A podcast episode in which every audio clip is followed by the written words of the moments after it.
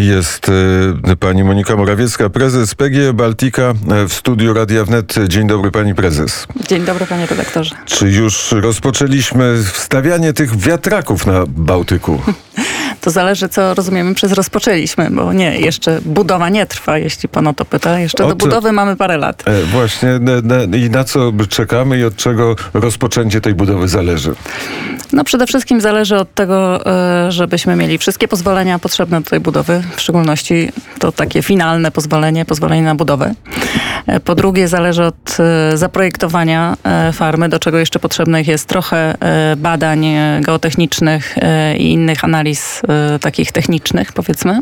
No i zależy od przeprowadzenia postępowań przetargowych i po prostu zakontraktowania głównych komponentów, turbin, fundamentów, kabli i tak dalej. Jeszcze długa droga przed nami. Jeszcze liczymy dwa i pół roku gdzieś do tego rozpoczęcia budowy trzy.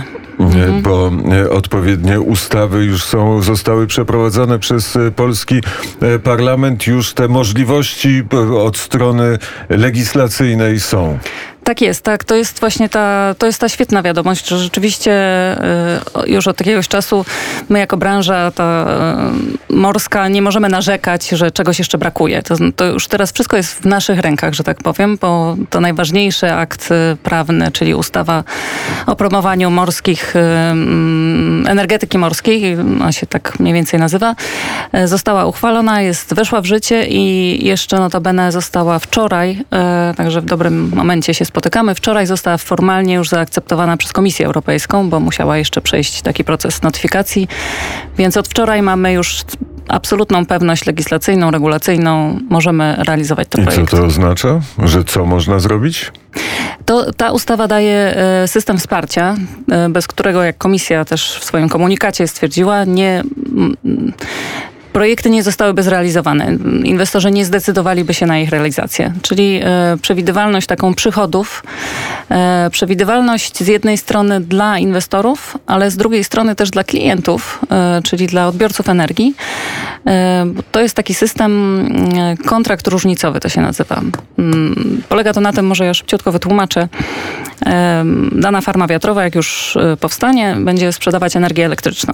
Będzie ją sprzedawać normalnie na rynku energii, przy czym czym wcześniej zostanie ustalona jakby ta właśnie taka ta cena kontraktu różnicowego, po jakiej ostatecznie sprzeda tą energię.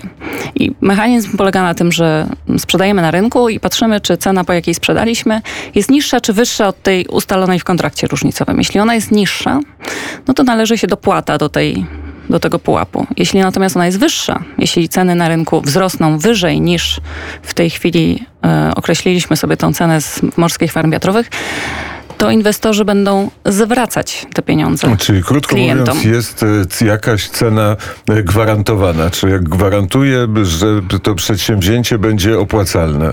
No, do tego, żeby ono jeszcze było opłacalne, to jeszcze po naszej stronie musi się dużo zadziać, w szczególności właśnie e, zakontraktowanie głównych elementów nie może być, no, nie, to nie może za dużo kosztować, tak? Będziemy musieli minimalizować. Ale czy jest konkurencja w ogóle na koszt. rynku? Czy wiadomo po prostu, kto robi turbiny, wiadomo, kto robi to, kto robi tamto, że że e, tak naprawdę są pewne monopole, z których i tak musimy to korzystać. To nie są monopole, y, ale zdarzają się oligopole, tak bym powiedziała, bo na przykład jeśli chodzi o turbiny, jest trzech producentów, mm, nie ma piętnastu. Jest trzech, takich, których można realnie wybrać, więc to, to nie jest duża konkurencja, ale jednak jest, bo to są, pamiętajmy, że to są duże zamówienia i każdy z tych producentów będzie chciał naprawdę się wykazać w tych, y, w tych przetargach i, i zdobyć takie zamówienie, więc to nie jest tak, że konkurencji nie ma. E, natomiast rzeczywiście to, z czym się będziemy mierzyć my jako inwestorzy, to y, to będzie problem z łańcuchem dostaw. To znaczy, y, tyle jest w tej chwili rozwijanych projektów na świecie całym, nie tylko w Europie, nie w, szczególności nie tylko w Polsce, ale też nie tylko w Europie, bo Stany Zjednoczone, bo, bo Tajwan są tymi wschodzącymi rynkami na te inwestycje, więc jest tyle tych inwestycji, że boimy się trochę, że rzeczywiście łańcuch dostaw może nie nadążyć z popytem na te komponenty. I ceny mogą pójść w Wtedy górę. Wtedy ceny mogą pójść w górę, więc to jest dla nas wyzwanie i jak pan pyta właśnie o, o opłacalność, no to to jest to wyzwanie, czy na pewno będzie ta opłacalność, no bo, bo cena, po jakiej będziemy sprzedawać tą energię jest nie wyższa niż, a jakby nakłady inwestycyjne jeszcze nie są określone w tej Ale chwili. e, czy e, już e, pani wie, czy w strategii PGE Baltica już wiadomo, ile tych wiatraków powinno docelowo stanąć? Tak, to nie tyle w strategii PGE Baltica, nawet tylko w strategii grupy PGE w ogóle. Strategia grupy mówi o tym, że do mniej więcej 30 roku będziemy mieć e, 2,5 gigawata mocy zainstalowanej w wiatrakach morskich, a do 30 roku mamy jeszcze większe ambicje, potencjalnie ponad 6 nawet e, gigawatów. Tak, tak napisaliśmy w strategii e, grupy. E, Na dzisiaj to, co jest no, pewne to pewnie nic nie jest, ale to, co już mamy w cudzysłowie w ręku, to są e, trzy projekty łącznie na 3,5 gigawata, bo na nie mamy już pozwolenia lokalizacyjne i na nie mamy umowy przyłączeniowe. Tak jeszcze e, jedna ważna rzecz, mianowicie w, w Polskim Ładzie nie tylko e, zabezpieczone pieniądze, rozumiem, na, na inwestycje. E, W Polskim Ładzie, jeśli ja go dobrze czytam, czy bardziej w KPO, tam jest wskazane, że jest możliwość, będzie możliwość otrzymania e, nisko oprocentowanych pożyczek. Także to, jeśli chodzi o inwestorów e, farmy morskie. Jeśli chodzi o fundusze dotacyjne, to one są raczej skierowane w infrastrukturę portową, jeśli ja to dobrze czytam. Więc to, to, to nie jest tak, że to będą jakieś dodatkowe środki, natomiast nawet gdyby były, to pamiętajmy, że te cały system wsparcia, czy on jest poprzez tą gwarantowaną cenę, czy on by był poprzez jakieś dopłaty y, do, do, do inwestycji po prostu, to, to wszystko będzie w cudzysłowie netowane. Znaczy nie, da się dostać więcej wsparcia niż to jest konieczne do powstania tej inwestycji. Już mówiąc tak wprost, jak, jeśli byśmy dostali jakąś dotację dodatkową, to ta cena gwarantowana musiałaby spaść, po jakiej byśmy sprzedawali energię. A to jest e, to e, zasadnicze pytanie, które sobie i przedsiębiorcy zadają i e, wszyscy, którzy używają maszynek do golenia. Czy prąd będzie droższy, czy nie? Ym, No to, to, to zastanówmy się wspólnie, bo mm, w tej chwili jest y, na rynku energii mniej więcej taka sytuacja, że prąd jest, powiedzmy, ta cena hurtowa jest około 300 zł za megawattogodzinę. Trochę więcej, trochę mniej. y, y, y, Raczej się pewnie spodziewamy, że to będzie rosło, gdyż y, rosną ceny y, do emisji dwutlenku węgla, a od nich głównie zależy w tej chwili cena energii na rynku. Natomiast jeśli chodzi o cenę z morskich farm, farm wiatrowych, to niedawno też zostało na podstawie tej ustawy, o której rozmawialiśmy, zostało wy, wydane rozporządzenie, które mówi, że cena maksymalna, po jakiej będziemy sprzedawać y, prąd z tych farm wiatrowych, wynosi 319,6 zł. Czyli drożej niż teraz. Trochę drożej niż teraz, tylko pamiętajmy, że to jest za jakieś 5 do 6 lat. Więc czy spodziewamy się, że w okresie od 5 do 6 lat od teraz ta cena rynkowa wzrośnie powyżej 300 zł? Ja się spodziewam. Że tak, tak. powiem, że tak. Bo, bo ceny te emisyjne rosną, bo jest wolny rynek i można kształtować i ktoś kształtuje te, e, te ceny. Wyścig z czasem trwa, dlatego że mamy założone, do którego momentu zrezygnujemy z węgla, a kiedy będziemy zamykać kopalnie. Grupa e, PGE jest jakby w sercu tego całego procesu.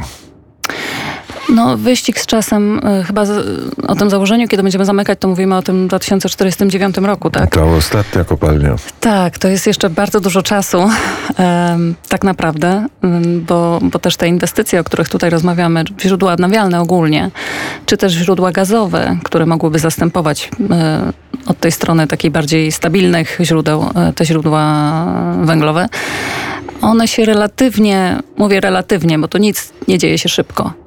Ale relatywnie sprawnie można je zbudować. Znaczy, jeśli my mówimy, dzisiaj jest 2021 i mamy na to 30 lat, to w te 30 lat możemy naprawdę prawie że postawić drugi system energetyczny.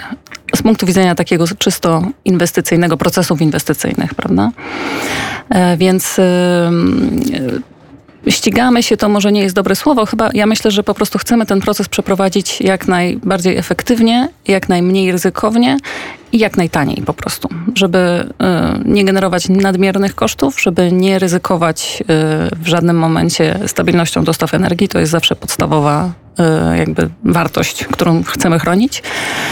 Mm, I żeby doprowadzić do tego, żebyśmy mieli w przyszłości y, taki ten święty graal. Tani, bezemisyjny, bezpieczny system energetyczny. Tak, tak byśmy chcieli, czy to już to miejsce, w którym będą, będzie PG budować wiatraki, czy ono już zostało wybrane?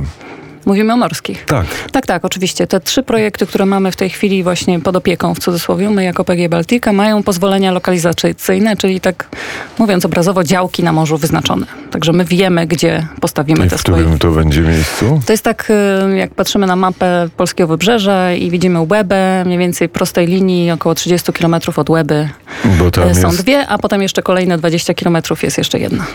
ten, Już przy granicy morskiej ze Szwecją. ten pejzaż Bałtyku bardzo się zmieni.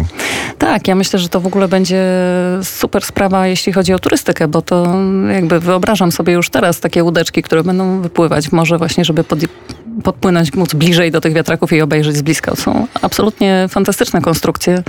250 metrów e, wysokości e, nad poziomem lustra wody, e, także to więcej niż Pałac Kultury. To wbijanie tych słupów będzie czymś naprawdę ciekawym. Tak, myślę, że to, to, to będzie A absolutnie... kto z te słupy potrafi stworzyć? No jest bardzo dużo firm, które, bardzo dużo to znowu nie, to nie jest tak, że jest setka firm, jest, jest kilka, może kilkanaście firm i pewnie się może kolejne pojawią. E, na przykład jeśli mówimy o wieży, e, czyli to, to, co widać nad wodą jakby, na której jest umieszczony wiatrak, no to w tej chwili w Polsce produkuje się takie wieże do wiatraków lądowych. Na te morskie trzeba trochę więcej wszystkiego. One są większe, po prostu cięższe. Mają większą średnicę, więc trzeba jeszcze wykonać pewne inwestycje po stronie tego dostawcy, ale też można je wyprodukować w Polsce. I jeszcze e, trzeba stworzyć port, z którego wypłyną. Mm, Tak, no nie, nie tyle, ws- niekoniecznie stworzyć, czy niektóre rozwiązania są takie, że wystarczy zmodernizować to, co już jest, bo, bo Gdynia i Gdańsk... dużo, dużo inwestycji. Dużo, tak. Dużo inwestycji, ale jak pamiętamy, inwestycje są składnikiem PKB dodatnim, więc y, to chyba dobrze, że jest dużo inwestycji. Poza tym, ja bym powiedziała tak, jakbyśmy tego nie robili, to musielibyśmy w co innego inwestować również. Bo nasz system energetyczny jest już y, dosyć stary, tak powiem wprost. Znaczy te elektrownie, które mamy obecnie, mają po kilkadziesiąt lat. One już, mówiąc kolokwialnie, długo by nie pociągnęły. Tak czy tak musimy inwestować w energetykę. Pytanie jest w co najlepiej zainwestować, żeby na przyszłość było jak, jak najlepiej. I tak, e, czy e, tak musimy postawić kropkę, pani prezes, bo e, Jaśmina Nowak już weszła do studia. Na zegarze już godzina 9.01. Bardzo serdecznie dziękuję za rozmowę. Ja również dziękuję. Pani Monika Morawiecka, prezes PGE Baltica, była gościem poranka wnet. Za chwilę wiadomości, a potem studio Dublin.